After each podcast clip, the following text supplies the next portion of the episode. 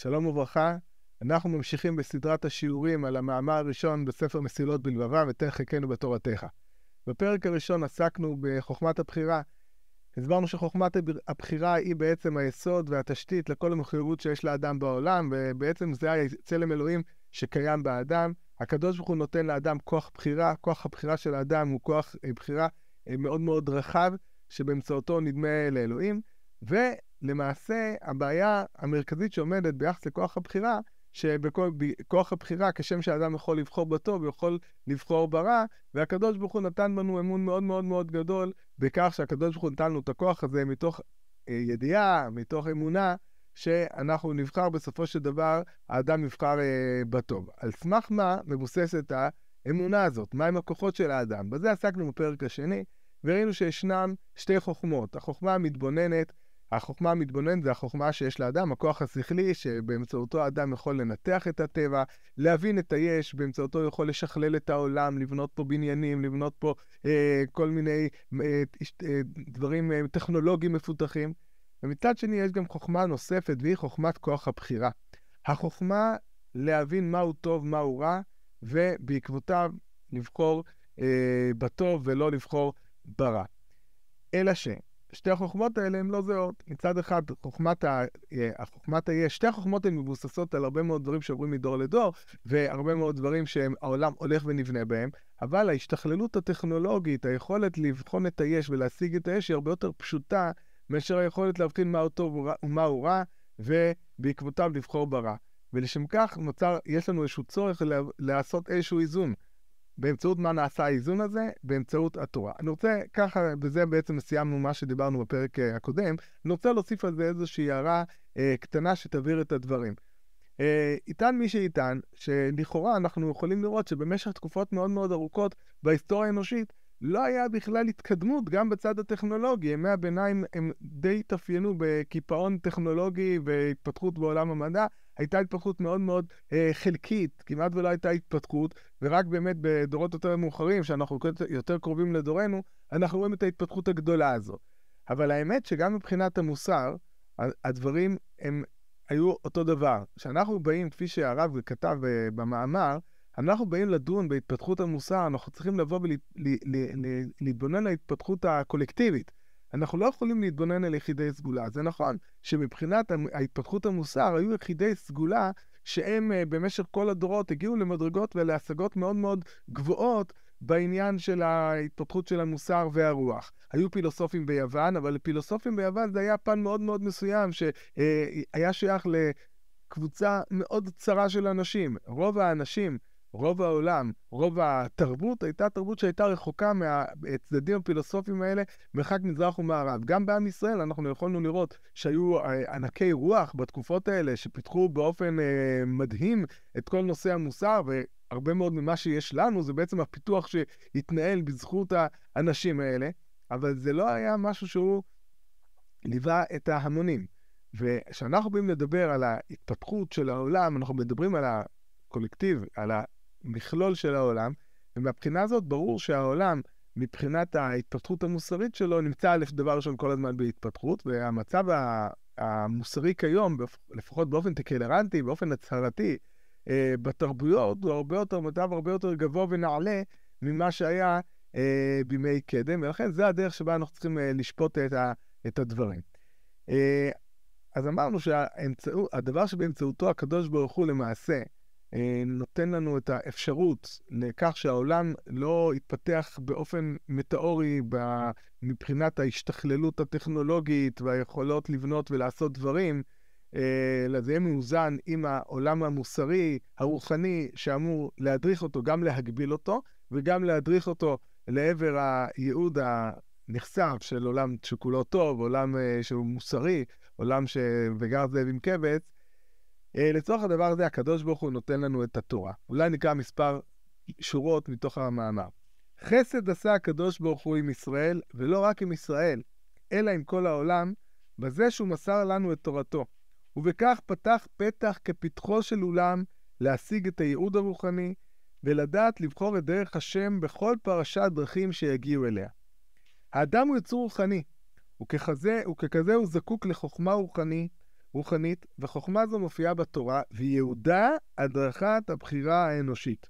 התורה היא החוכמה המאפשרת לאדם להתקדם לקראת ייעודו, לא רק למימוש הכוחות הגופניים שלו, אלא גם למימוש כוחותיו הרוחניים. אם כן, זה העניין של התורה. נתינת התורה נועדה, כמו שהרב כותב פה, כדי לאפשר לאדם להתקדם לעבר הייעוד שלו, שהיא לעבר הייעוד שלו, ולמימוש הכוחות הרוחניים שלו, ולא רק הכוחות הגופניים. התורה הזאת ניתנה לעם ישראל. מהבחינה הזאת אנחנו מבינים שעם ישראל יש לו איזשהו תפקיד מסוים. מה שמאפיין את עם ישראל, וזה דברים שהם נאמרים בפרקים אחרים, נידונים בפרקים אחרים בספר מסילות בלבבם, לעם ישראל יש ייעוד. עם ישראל הוא לא שיש לו רק, שלא שיש לו כוחות מיוחדים, אלא יש לו תפקיד מיוחד בעולם. התפקיד הזה זה בעצם באמצעות התורה להפיץ את הרוח, את המוסר, ולהוביל, להיות הקטר שמוביל את העולם לעבר המציאות הזו. התורה יש בה הרבה מאוד חוכמה, והחוכמה הזאת, ברגע שבאה לידי ביטוי בעם ישראל, היא לאט לאט התחילה לעשות גלים.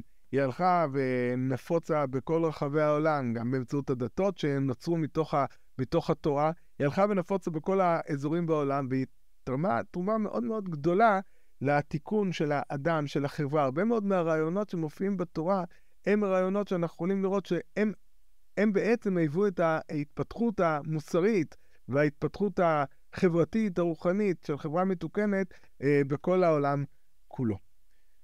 המשנה במסכת אבות אומרת לנו בשם רבי שמעון, שלוש... אמר, רבי שמעון אומר שלושה כתרים הם, כתר, כתר תורה וכתר כהונה וכתר מלכות. הדברים הללו מובאים ברמב"ם בהלכות תלמוד תורה, ואומר הרמב"ם, בשלושה כתרים נכתרו ישראל, כתר תורה וכתר כהונה וכתר מלכות. כתר כהונה זכה בו אהרון, כתר מלכות זכה בו דוד, כתר תורה הרי הוא מונח ועומד ומוכן לכל. שנאמר, תורה ציווה לנו משה מורשה קהילת יעקב, כל מי שירצה יבוא וייטול. שמא תאמר שאותן הכתרים גדולים מכתר תורה? הרי הוא אומר, בי מלכים ימלכו ורוזנים יחקקו צדק, בי שרים יסורו, על המטה שכתר התורה גדול מכתר כהונה וכתר מלכות, אמרו חכמים, ממזר תלמיד חכמים קודם לכהן גדול עם הארץ. שלושת הכתרים האלה, מסביר הרב, הם בעצם מבטאים אליהם אי אלו גדולות מסוימות. אבל יש פער מאוד מאוד גדול בין כתר הכהונה וכתר המלכות לבין כתר התורה. כתר כהונה וכתר מלכות הם נועדו לאנשים מאוד מאוד מסוימים. כתר כהונה נועד לאהרון, כתר מלכות נועד לבית דוד, לעומת כתר תורה, שכתר תורה הוא כל הרוצה לבוא, יבוא ויתלנה. ממה נובע ההבדל הזה? ההבדל הזה נובע מהעובדה שכתר כהונה וכתר מלכות הם שייכים בעצם לעולם הגשמי. הם שייכים לעולם הגשמי. הם שייכים לעולם הגשמי, ובעולם הגשמי, העולם הוא מוגבל בעולם הגשמי. יש כל מיני מגבלות שקיימות על האדם, יש חלוקות תפקידים בעולם, לא כל אחד יכול להיות ספורטאי, לא כל אחד יכול להיות דבר אחר. העולם הגשמי הוא עולם מוגבל, ולכן כשאנחנו באים לדבר על כל מיני גדולות בעולם הגשמי, אז הם ניתנו למלכות, יש תפקיד למלכות, יש ייעוד למלכות, ניתנו לכהונה, לכהונה יש איזשהו תפקיד מסוים, אבל כתר תורה הוא שונה לחלוטין. כתר תורה הוא לא נועד לעולם הגשמי, נועד לעולם הרוחני. וכאן יש עוד איזשהו הבדל מסוים.